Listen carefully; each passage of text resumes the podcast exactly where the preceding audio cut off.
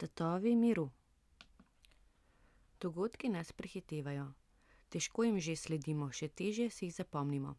Komaj pomnimo, kaj se je zgodilo prejšnji teden, še težje, kaj pretekli mesec.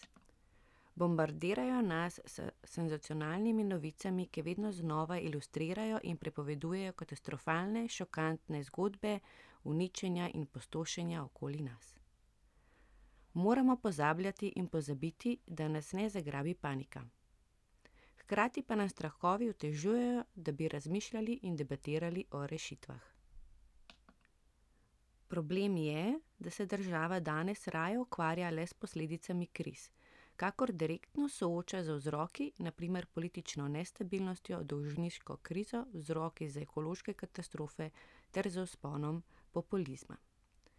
Posledice kriz so lahko zadnja finančna kriza, ki je v Grčiji povzročila globoko humanitarno krizo, onesnaževanje in pa sprejemljivo, a nekaznovano policijsko nasilje. Čedalje bolj smo omejeni na očitne mejnike. Eden takšnih mejnikov bi bila lahko Nobelova nagrada za mir, ki je ravno dovolj kontroverzna, da zrcali naš aktualni čas in se hkrati kaže kot mesto svetlobe v čedalje bolj temačnem svetu. Med letošnjimi kandidati za Nobelovo nagrado za mir so bili recimo še poleg mednarodne kampanje za jedrsko razorožitev Ican tudi David Bowie, mednarodni Lions Club, Julian Assange, Leonardo DiCaprio, Donald Trump in znova Vladimir Putin. Tako morda vseeno odločitev ni bila tako težka. Če pogledamo, kje in kdo vse zakrivi najhujše zločine nad človeštvom, to sploh ni več novica. Postajamo družba spektakla, ki bi z lahkoto lahko prezrla tudi lastne znake propada. Katastrofalnih dogodkov si več ne zapomnimo, saj takoj sledijo novi, še hujši od prejšnjega. Ne štejemo jih več, tako kot več ne štejemo človeških žrtev, nič več nas ne pretrese. Alarmantno novico zločinov nad človeštvom slišimo šele takrat, ko gre za kontradiktornost, ko nad svojimi sodržavljani, muslimansko manjšino Rohingja, izvaja etnično čiščenje Nobelova nagrajenka za mir Aung San Suu Kyi. Nagrada za mir se podeljuje v imenu Alfreda Nobela, švedskega industrialca in izumitelja dinamita. Do sedaj je bilo podeljenih osemindevetdeset Nobelovih nagrad za mir. Od tega jih je bilo smešno malo podeljenih ženskam. Le šestnajst.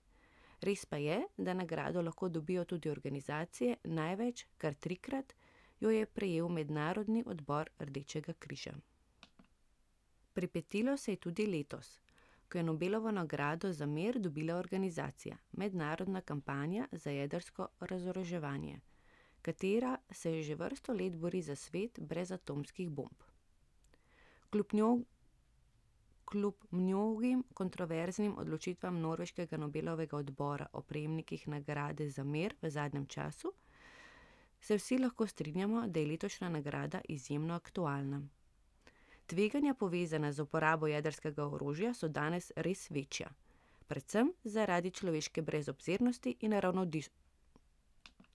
in ravnodušnosti ter čedalje večje tekmovalne norosti avtokratov.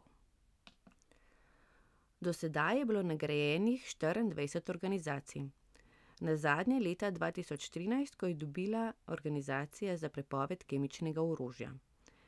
Ker je začela z uničevanjem zalog sirskega kemičnega orožja, saj naj bi bila razorožitev osnovni cilj Alfreda Nobela. Seveda pa tako mednarodno priznanje ne more preprečiti njegove ponovne uporabe, na žalost ne podeljuje take moči.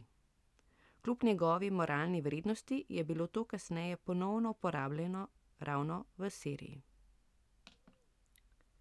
Že dolgih intenzivnih deset let je minilo, odkar je nagrado za mir prejel medvladni forum za podnebne spremembe.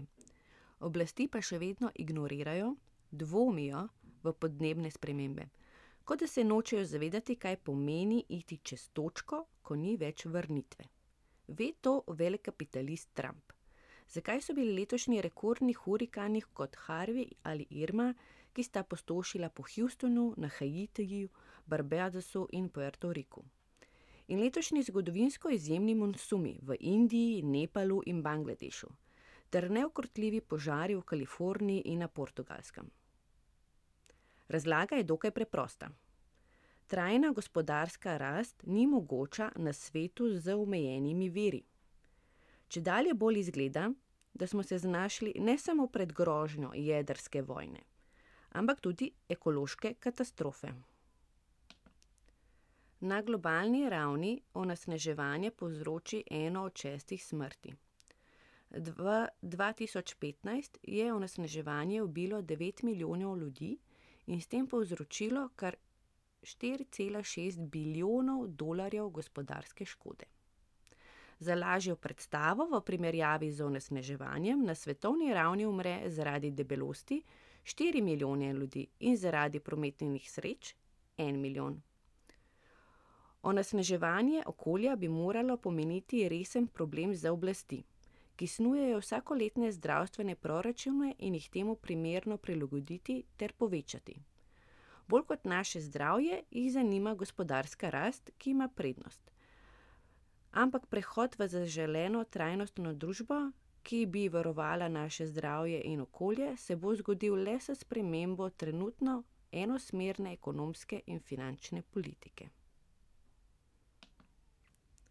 Kljub Nobelovi nagradi za mir iz leta dva tisoč sedem, torej medvladnemu forumu za podnebne spremembe, ki je dobilo mednarodno priznanje, da mednarodne spremembe ne samo, da so, ampak da se moramo nujno takoj začeti vsi ukvarjati z njimi.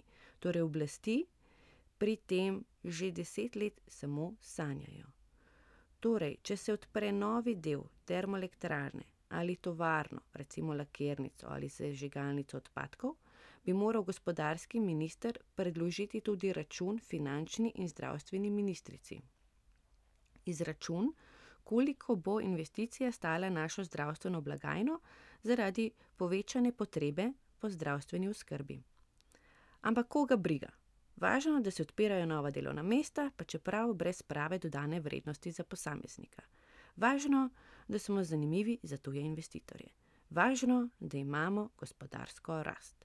Koga briga naše zdravje ali okolje? Se še spomnimo trenutkov, ko je šla Nobelova nagrada za mir v roke Baracku Obami dva tisoč devet in Evropski uniji dva tisoč dvanajst?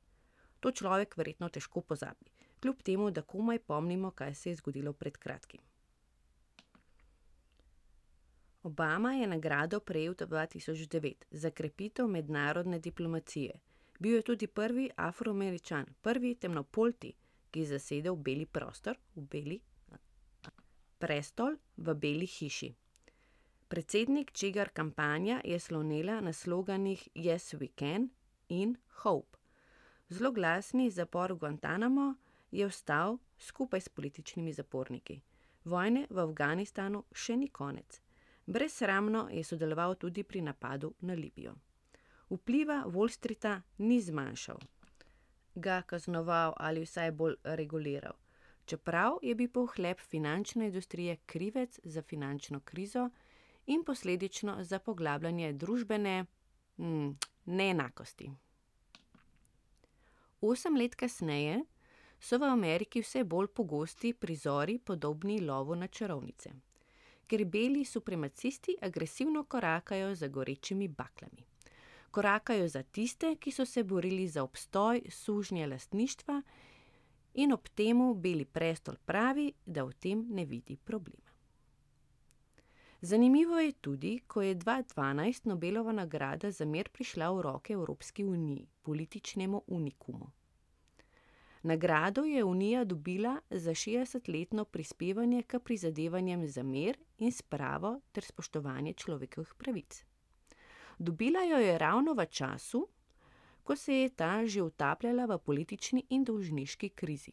Ko Evrope, ironično, ni več zanimalo, kako drsijo v pomanjkanje in dolgove njeni prebivalci ter kako se krepi in širi strah. Očitno se je s finančno krizo zmes med korporativno in državno močjo radikalizirala.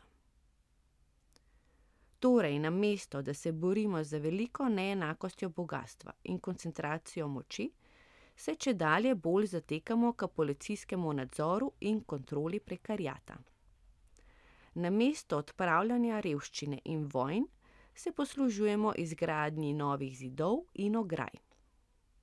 Bali smo se beguncev in drugih prišlekov, ni nas pa zanimalo, kaj se pripravlja v urejeni severni sosedi Avstriji.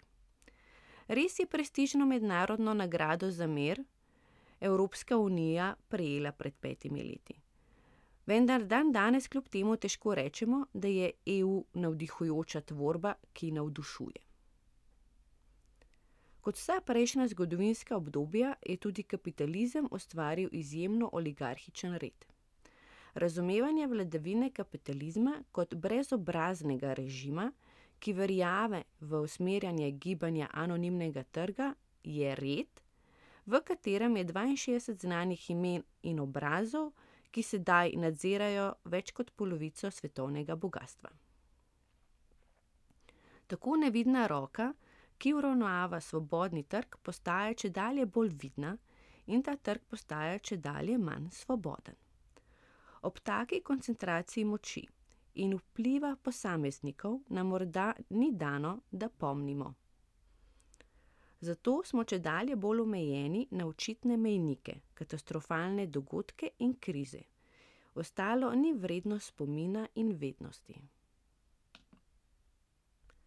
Tako je za nami še en moment, za katerega lahko le upamo, da so ga dobitniki Nobelove nagrade za razorožitev jedrskega orožja uspešno porabili za dobro promocijo svojega projekta.